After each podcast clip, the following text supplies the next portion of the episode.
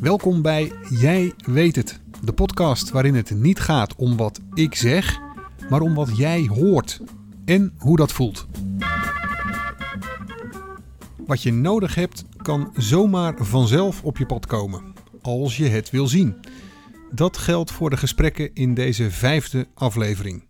Mooie, herkenbare verhalen over een onbevredigende relatie. Ik kwam er bijvoorbeeld achter dat ik, dat ik niet zo goed met hem kon praten. Ja, dan had ik het daar eens met een vriendin over. En die zeiden van ja, maar ik kan ook niet met mijn man praten. En dat is volkomen normaal.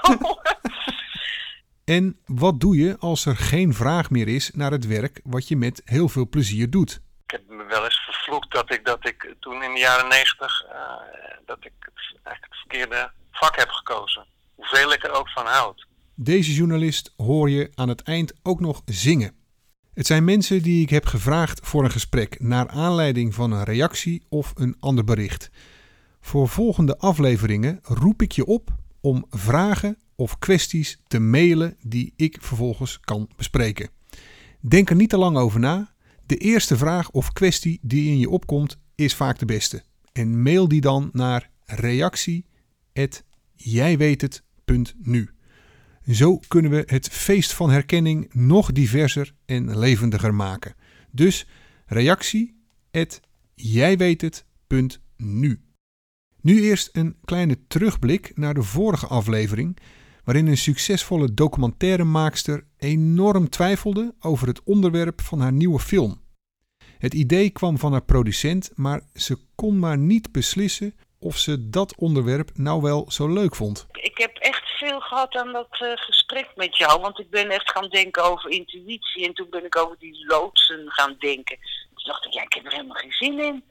Toen dacht ik, ja, maar hé. Hey, wat zit ik nou toch allemaal eh, over, dat, eh, over dat onderwerp te denken. Terwijl het al helemaal klaar ligt in mijzelf. Ik hoef het alleen maar op te schrijven. En, en het is een onderwerp waar ik al eigenlijk altijd van gedacht heb. Van ja, daar wil ik een film over zien. Oh. Want daar heb ik nog nooit een film over gezien. Wat raar dat, je, dat ik dat niet meteen heb gezien. maar dat is het natuurlijk altijd, hè? Met Ja. zoiets van, het, het, het ligt zo dicht bij me dat je het niet eens ziet. Of dat je het zelfs niet ziet. Je kijkt er overheen als het ware. Ja, En je bent misschien geneigd om het verder weg te zoeken. het heeft toch natuurlijk te maken met ontspanning. En, eh, en niet, eh, als je er naar aan het zoeken bent, dan, dan, dan vind je het niet, denk ik. Als je er krampachtig naar aan het zoeken bent. Ik weet nu, want daar hadden we het ook over, de intuïtie is rustig. Eh, intuïtie is rustig en tegelijkertijd eh, eh, ehm, nee, laat ik het zo zeggen. Ik ben nu weer net zo opgewonden en aan het malen, namelijk de hele dag erover aan het nadenken, eh, als toen bij de groentenboer. Meteen weer dat gevoel van yes. Geweldig toch? Ontspanning kan inderdaad ineens voor helderheid zorgen. Je hebt vast wel eens meegemaakt dat je niet op een naam kan komen. Hard nadenken heeft dan meestal geen zin. Laat het los en een minuut later weet je het weer. Zo kan het ook gaan met grote twijfels. Ga er eens vijf of tien minuten mee zitten of liggen en kijk gewoon wat er gebeurt. Zonder verwachtingen. Dat is de kunst. En dan is het opeens zo helder dat je denkt: waarom heb ik hier nou zo lang over zitten piekeren? Tja, kennelijk had je allerlei verstandige redenen om te twijfelen. Als we naar de natuur om ons heen kijken, dan kunnen we ons vergapen aan en verbazen over de schitterende bloemen die weer in bloei zijn. En zelf geniet ik enorm van de bloesemgeuren die ook in de stad links en rechts op te snuiven zijn. Zwanenfamilies die op de kant van de ringvaart wonen. En wat is daarvoor nodig? Hoeveel moeite kost dat precies? Zon en water. Maar verder gaat dat allemaal vanzelf. Hoeveel moeite moet een boom doen om te groeien? Het is dat hij geen antwoord kan geven, maar ik heb het sterke vermoeden dat het geen enkele moeite kost. Misschien heeft hij het best zwaar met een storm en een hoosbui op zijn tijd, of als het een tijdje droog is, maar toch blijft hij staan en groeien. Hij groeit vanzelf, net zoals al het andere. Maar ho ho, dat ligt bij mensen dus mooi even anders. Oh ja, is dat zo?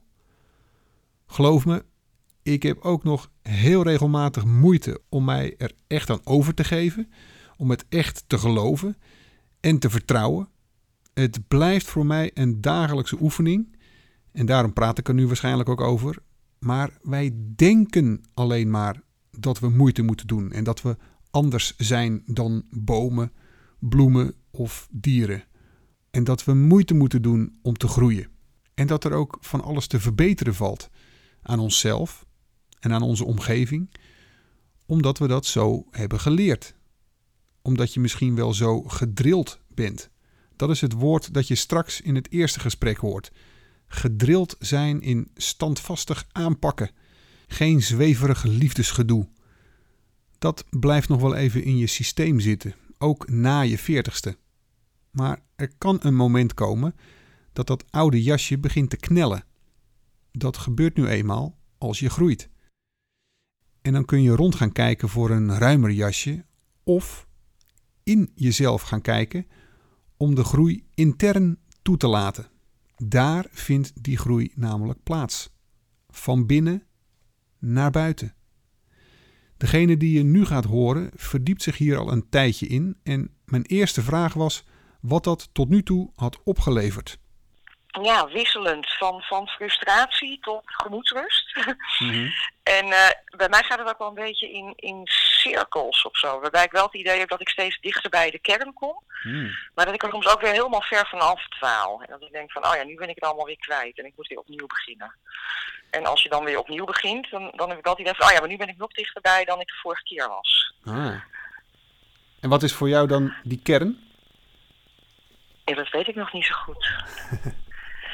Nou, dat is niet helemaal waar trouwens. Ik deed ooit, dat is misschien een beetje vergelijkbaar met jouw ayahuasca-ervaring. ik heb ooit een workshop gedaan met paarden. Ja. en uh, ook met, met, weerstand begon ik daaraan. Ik dacht, wat is dit voor onzin met paarden? Maar dat was voor mij een soort van uh, gigantische verandering op dat moment. En ik had daarna eh, nou ja, een periode van twee of drie maanden had ik het idee van ik heb nu echt door waar het over gaat. Hmm. En dat waren drie fantastische maanden en toen waren ze voorbij. Maar waar, waar, wat voor mij toen heel erg de kern was, en ja, en ik vind het wel heel ingewikkeld om dit te zeggen zonder heel zweverig te klinken, maar dat was liefde. Ja. Dat was, uh, dat was de kern. En hoe dat kwam, is het nog steeds. Hoe kwam dat naar boven bij die paarden? Ja, die paarden die, die reageren op wat jij doet. Dus die, uh, die, of, of wat jij voelt of wat jij uitstraalt. En wij waren, wij, ik was daar met, met een groep collega's die allemaal ook een beetje in het nauw zaten. En wij verbroederden heel erg. Dus er gebeurde en iets met die paarden en er gebeurde iets met de mensen die er waren.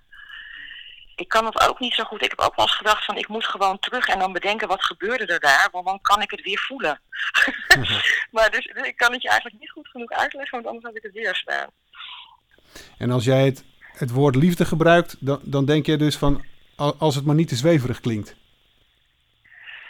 Ja, wel als je zegt van wat is nou de kern van alles, dat is liefde. Dan denk je, ja, ik, ja, ik hoor mezelf maar praten en dan denk ik van, oh ja, dat is er zo eentje. dat, dat, wil je eigenlijk niet zijn.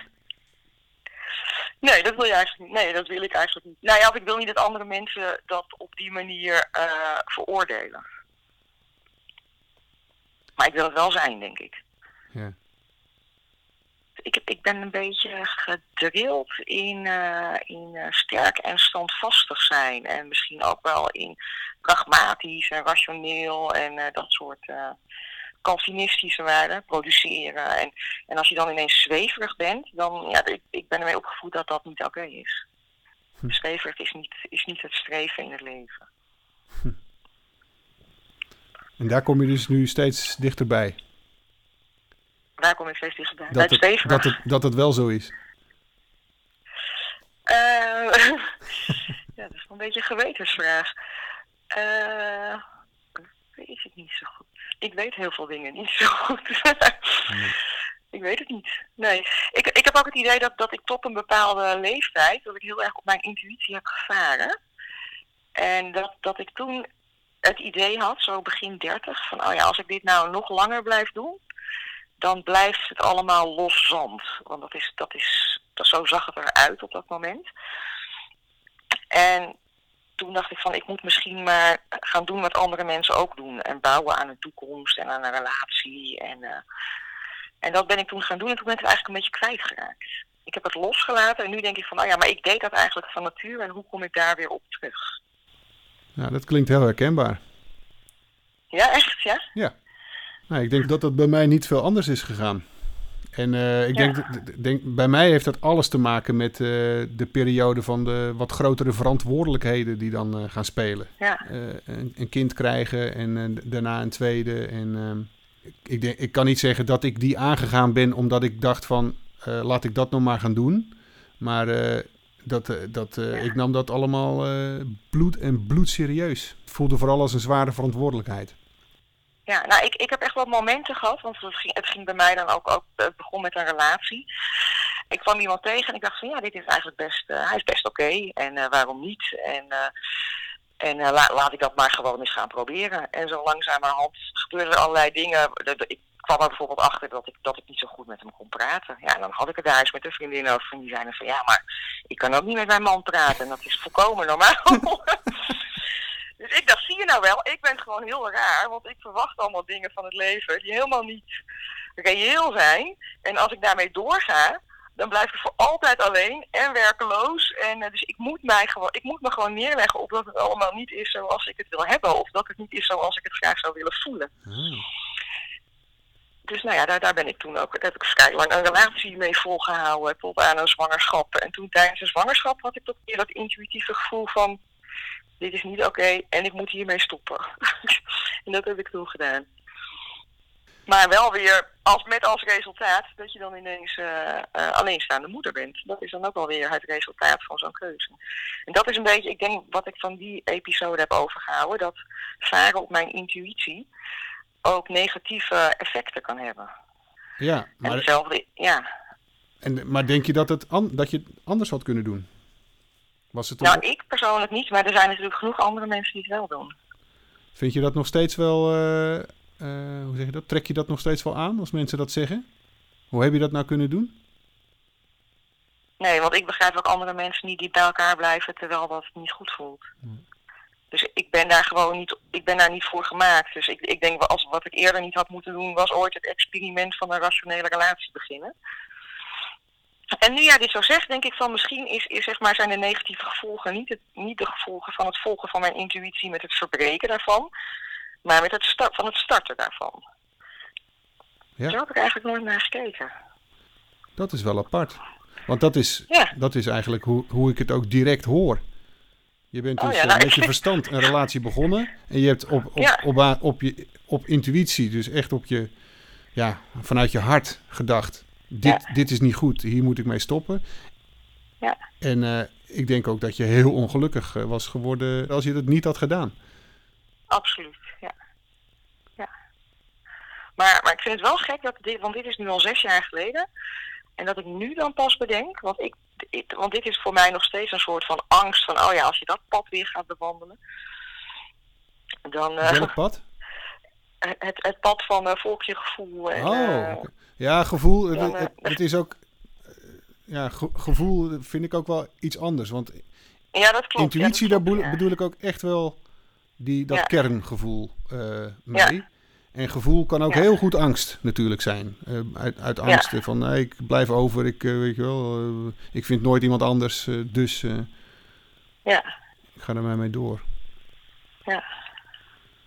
Ja, daar was het ook wel goed voor om, om die podcast van te horen. dacht ik van, oh ja, dat was er ook nog.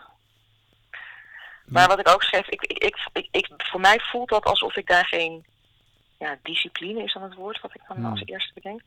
Alsof ik daar de discipline niet voor heb. Om inderdaad s ochtends dan vijf minuten eerder op te staan en dan eerst te gaan zitten mediteren voordat ik boterhammen moet gaan smeren en zo. Hoe doe jij dat, Johan? Ja, maar ik kan me, dat, ja, ik kan me daar veel bij voorstellen als je dat uh, als je je dochter thuis is, als je dat alleen eh, moet doen. En eh, waar het in die vorige aflevering ook over ging van eh, weerstand ervaren. Eh, waarschijnlijk als de behoefte aan die, aan die rust of eh, aan de stilte misschien eh, maar groot genoeg wordt, ja, zul je op een bepaald moment misschien toch eh, ergens vijf minuten vinden of, of tien minuten om dat te doen. Ja. Want, want het is natuurlijk, eh, het is niet de tijd. Die, Nee, het is niet de tijd, nee. nee het, het is ook wel een beetje de angst van wat er, van wat er dan gebeurt, Ja. denk ik. En ik was laatst een, een- een paar dagen eh, alleen naar Friesland. In complete stilte, in een heel fijn huis. Waar ik eigenlijk niet veel anders deed dan een beetje voor mij uitstaren. Mhm. Dat was fantastisch. En toen kwam ik terug in de stad. En toen kreeg ik voor het eerst in mijn leven... Of ik had met een vriendin afgesproken in een café. En ik liep daar naar binnen. En ik kreeg een soort van woes, eh, paniek, eh, aanvalachtig iets. Hmm. Dat ik alleen maar naar buiten kon lopen en dacht van wow, wat een heftigheid. En dat dat dan zo niet goed voelde. En een week later had ik het op mijn werk. En toen, eh, ja, en sindsdien denk ik ook wel van wat is het nou die rust geweest waardoor ik dat ineens had. En dat dat, dat dat contrast dan zo groot is. En dan moet je natuurlijk iets, of dan, dan zou ik iets willen doen aan dat contrast. En ik zie daar op dit moment ook geen mogelijkheden toe. Ik woon midden in de stad en ik kan niet heel snel verhuizen. En, eh, Ja. Dus dat, dat maakt dan ook de onmogelijkheid van dichterbij komen of zo duidelijker. Ja. Omdat dat contrast zo groot is. Dat is wel heftig eigenlijk, hè? Ja. Ja. En ik denk dat dat ook meteen de angst is. Dat, dat, dat je, weet je, als, als je in die maalstroom meegaat, dan weet je, ik ben redelijk optimistisch en tevreden. En zodra je dan stilstaat, dan zie je ineens de dingen waar je misschien minder tevreden mee bent. Ja, dan, dan sla je de spijker op zijn kop. Ja. Want dat is ook, eh, dat is ook wel, ehm, ja, wat ik ook wel terugkrijg eh, van mensen die hier naar luisteren. Dat ze zeggen, ja, Ja. hartstikke leuk en interessant. Maar ik, eh, ik wil dit niet aan. Oh, wil het niet aan. Nee. Ja. Ja, om deze reden. Ja. En dat is... eh, Ja, ik, zou, ik zou niet zeggen, ik wil het niet aan. Ik zou Nee. eerder zeggen van, ik, ik, ik heb nu niet de ruimte. Ja, maar ik weet dus ook niet of dat... En nu ik het mezelf steeds hoor zeggen, denk ik van, is allemaal smoesen. ik wil zeggen van, ik kan het niet aan of zo. Ik Ja. heb er geen ruimte voor. Tot zover het eerste fragment. Ik kan me voorstellen dat de wens om de stad uit te verhuizen ook een interne wens kan zijn. Dat de rust of de ruimte waar je misschien naar verlangt, een rust en ruimte is die je vooral in jezelf wil voelen. Ik zeg dus niet dat dat altijd zo is, maar het kan. Sowieso kunnen wensen die we hebben rondom wonen veel zeggen over de wensen die we voor onszelf hebben. Een nieuwe inrichting, een uitbreiding, een hele andere plek om te wonen, dan willen we een verandering in onze omgeving, terwijl de wens ook een interne kan zijn. Je kunt dat onderzoeken door jezelf op een rustig moment de vraag te stellen hoe het zou voelen om bijvoorbeeld op die andere plek te wonen. Hoe zou het precies voelen? Stel je bij wijze van spreken voor hoe het eruit ziet. En waarom je dat nou juist, juist zo graag zou willen. En stel je voor dat je er al woont. Hoe voelt dat? Het is een suggestie die ik al eens eerder deed, maar een beetje herhaling kan geen kwaad. Het kan namelijk zomaar zijn dat je ontdekt dat je in je stadswoning toch ook dat gevoel kunt ervaren. En je kan het aan jezelf geven. En dat dat aan jezelf geven misschien even wennen is, zou uit het tweede fragment kunnen blijken. Zou je kunnen zeggen wat jou eh, nu zou kunnen helpen? Wat, waar, waar zou jij iets aan kunnen hebben, denk jij? Wat is het eerste wat in je opkomt? Geld, denk ik. dat had je niet verwacht. nee. Maar, en waar staat dat voor? Want wat gaat dat geld mogelijk maken voor jou? Vrijheid, vrijheid, ja. Om wat te doen? Nou, bijvoorbeeld om die drukke stad uit te gaan. eh, om Oh, je zou liefst de stad uitgaan. Absoluut, ja. Ja, geen twijfel mogelijk. Maar dat kan ik nu gewoon niet betalen. Hmm. ja.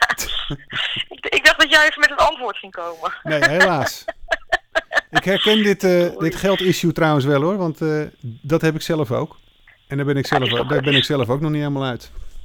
Nee, ja, het is toch vrijheid die je daarvoor inwisselt of zo. Of ruimte of uh, tijd.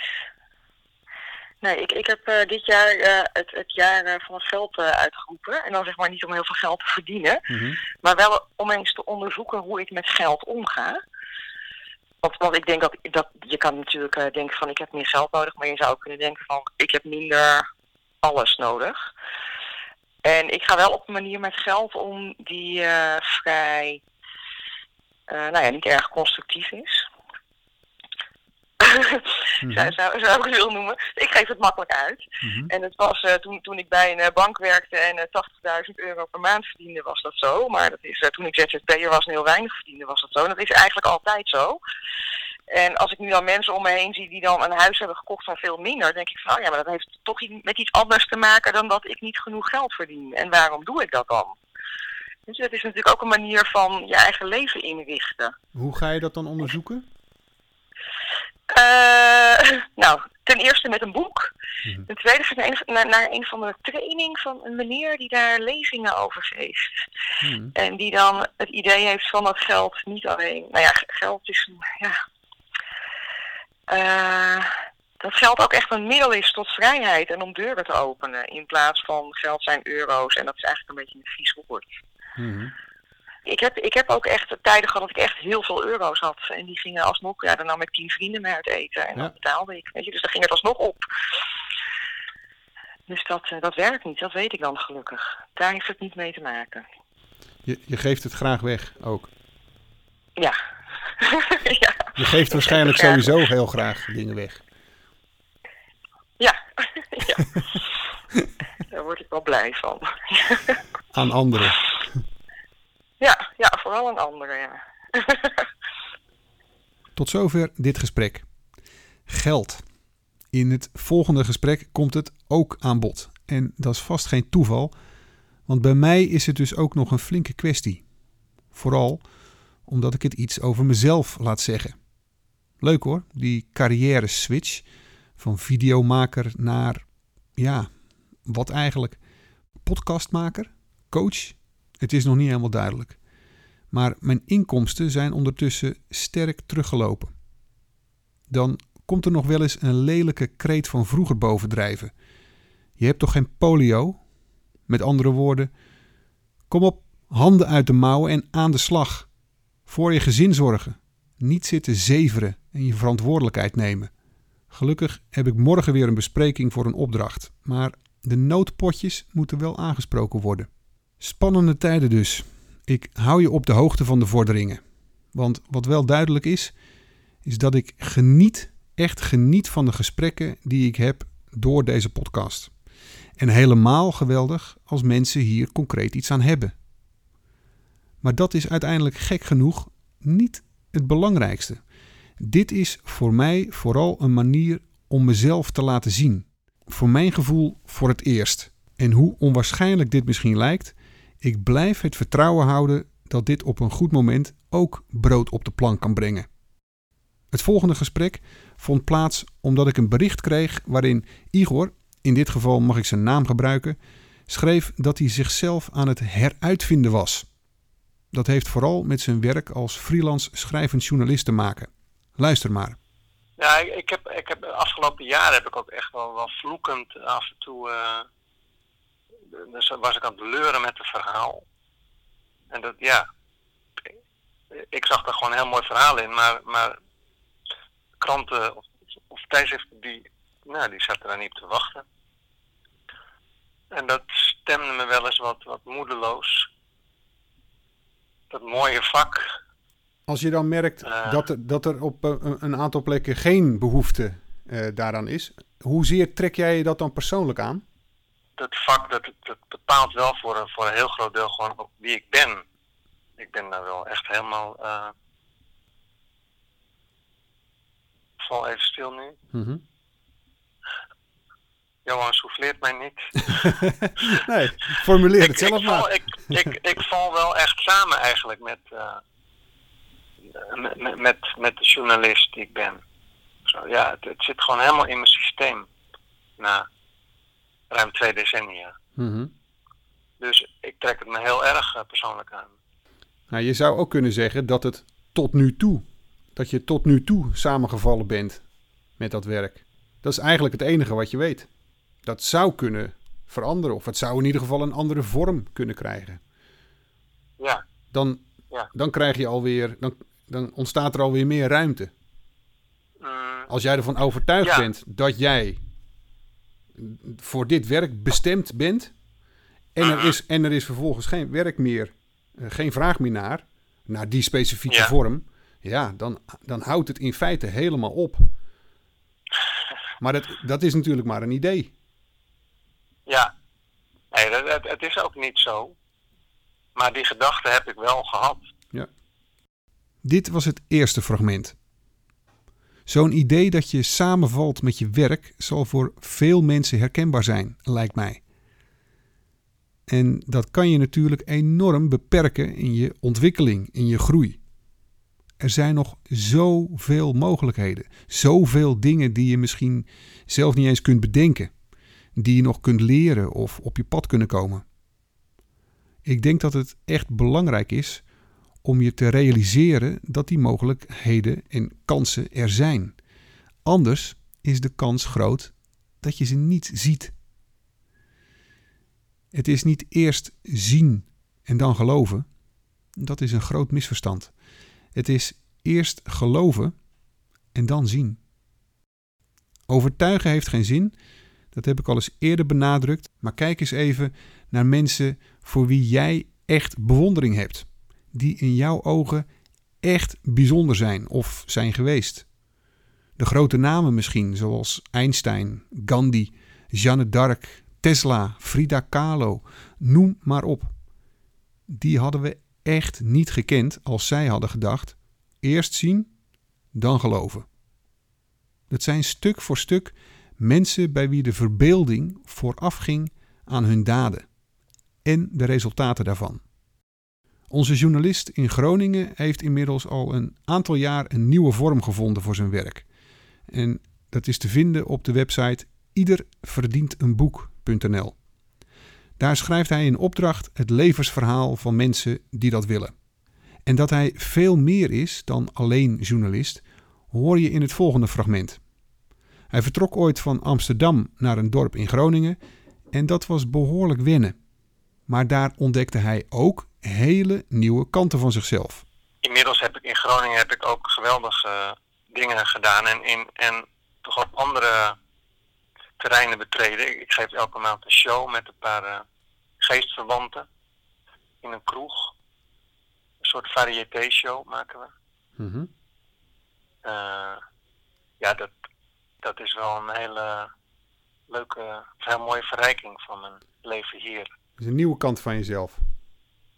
Ja, ja.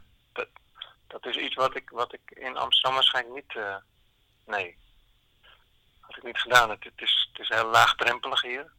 Ja, het is een soort, soort speeltuin. Maar, maar, maar ook het ontmoeten van, van, eh, van, van mensen die, eh, die, je- die, je- die je daartoe die inspireren. Die, ja, die ook eh, in zijn voor dat soort gekkigheden. Mhm.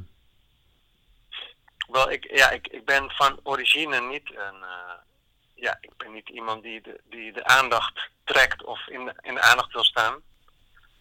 Ik, vind, eh, ik vond spreekwoord vond ik eigenlijk altijd verschrikkelijk. Maar ja, ik doe dus ook al, al vijf jaar wel maandelijks die show. Dat is eigenlijk ook heel raar natuurlijk. Terwijl ik me niet, niet super comfortabel voel op een podium of zo. Dat ik het blijkbaar toch wil doen. Ja, Dat is een beetje tegenstrijdig. dat lijkt tegenstrijdig. Ja. Maar ik wil toch iets vertellen of zo, iets delen. Ja, toch verhaal, verhalen vertellen. Iets, iets wat wat weerstand oproept, maar dat je dat toch doet. Waardoor je, waardoor je groeit. Ja, zeker. Ja. Nee, dat, dat eh, zonder meer. Hoewel het, het is heel kleinschalig en een hele veilige omgeving. Ja, en, en, en als, dat, als dat goed valt, een verhaal of een, een lied dat ik zing, ja, dat, dat voelt wel heel, heel fijn. Je zingt er ook nog eens bij. Ja, ik, ik maak ook liedjes af en toe. Moet het, het moet er toch uit, blijkbaar. Zingende journalist. Ja. Misschien is het een beetje een ego-dingetje of zo. Maar blijkbaar wil ik toch iets laten zien of zo. Een geldingsdrang. Kun je één tekst eh, of een fragment daarvan voorlezen waar je, waar je trots op bent? Of zingen zelfs, als je zou willen. oh, dan vraag je wat. Nou, Eh. voordragen dan maar. Gewoon voorlezen. Even kijken hoor. Een heel persoonlijke tekst is. Dat heet Weg van mij. De eerste, het eerste couplet. eh, luidt dan: Ik wou dat ik dit beter kon.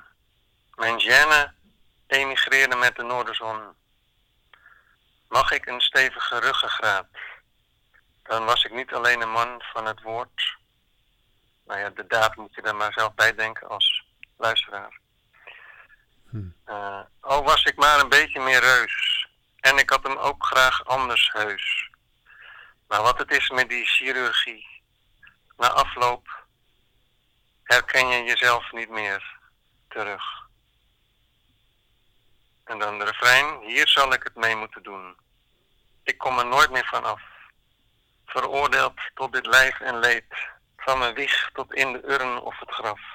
Zo klinkt het wel heel zwaar, hè? Eigenlijk is het een heel, eh, Een vrolijk liedje. Hele, hele luchtig melodietje. Ja, dat is een goede combinatie. Ik richt me op een gegeven moment ook naar de luisteraar. Hier zullen we het allemaal mee moeten doen. Jullie zullen het allemaal met jezelf moeten doen. Ja. Het is ook wel met de, met de knipoog hoor. Ja, precies. En het is aangezet natuurlijk eh, voor het liedje. Mhm. Maar zelf denk je ook nog wel dat, dat er nog wel ruimte omheen zit, zeg maar. Dat er nog wel mogelijkheden zijn. Eh, ja, jawel. nou ja, het, het is, je, je treft me wel in een, in een periode van, eh, van wat, ja, verandering, onzekerheid. En, Ja. Nou ja, goed, ik, eh, ik heb het wel wat, wat somber ingezien. Ja, toch financiële onzekerheid, dat knaagt gewoon enorm aan je, Mhm. aan je hele, zeker als je je helemaal hebt verbonden met je, met je werk, met je passie, knaagt het wel heel erg ook aan je, ja, aan je hele wezen. En wat zijn dan dingen waar jij iets aan hebt als, het, eh, als eh, de, de, de wolken weer eh, donker, zich donker samenpakken boven jou? Mm, nou, ook, ook zeker, ja, dat heb ik helemaal niet gezegd, maar mijn, mijn dochter die vol levenslust zit, die natuurlijk ook heel veel, wat natuurlijk ook heel veel relativeert en, en jongen, jongen, wat, ja, wat zijn we ook met, met al die volwassenen een stelletje zwartkijkers. en hoe zij dan in het leven staat, ja, dat is wel eh, verademing om te zien. Tot zover dit gesprek. Voorheen kon ik me echt opwinden als mensen zeiden dat we zoveel van kinderen kunnen leren. Ik dacht dan altijd: ja, lekker makkelijk. Kinderen hebben geen verantwoordelijkheden. Alles wordt voor ze geregeld. Nogal wiedes dat ze zo lekker vrij en open kunnen zijn. Ik kon echt niets met die onzin. Maar je perspectief kan dus compleet veranderen. Ik heb nu veel meer oog gekregen voor precies die open houding die kinderen vaak hebben. De levenslust, het verbeeldingsvermogen en het gebrek aan beperkingen daardoor. Dat heeft ook wel iets te maken met de afwezigheid van verantwoordelijkheden. Want kinderen die door omstandigheden wel van alles moeten regelen, verliezen die speelsheid eerder. Maar als je je als volwassene wilt blijven ontwikkelen, zul je weer contact moeten maken met het kind in je. Dat heb ik inmiddels wel ervaren. En andere kinderen kunnen daar een prachtige spiegel of voorbeeld voor zijn. Volgens mij is het ook het kind in onze zingende journalist dat veel plezier heeft op het podium. Ik heb Igor tot slot toch nog een keer gevraagd of hij het lied wilde zingen. En dat deed hij. Het eerste stuk via de telefoon en daarna wordt het geluid beter. Enorm bedankt voor het luisteren. Stuur dus al je vragen en kwesties naar reactie.jijweethet.nu en heel graag tot de volgende keer. Ja? Nou dat ik dit beter kon. Mijn gêne emigreren met de noorderzon. Mag ik een stevige ruggengraat. Dan was ik niet alleen een man van het bos. Dan was ik maar een beetje meer. En ik had hem ook graag onder steus. Nou wat het is met die chirurgie. Na afloop herken je jezelf niet meer terug. Hier zal ik het mee moeten doen.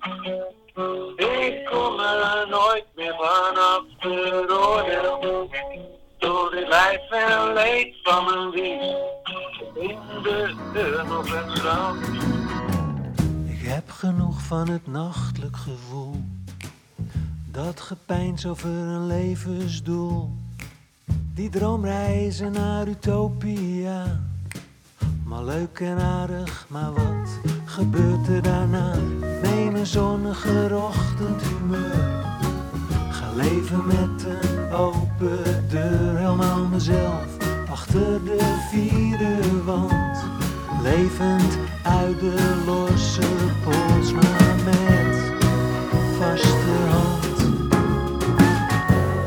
zal ik het mee moeten doen. Ik kom er nooit meer vanaf veroordeeld. Tot dit lijf en leed van mijn wieg. Tot in de urn of het graf, ja hier, hier zal ik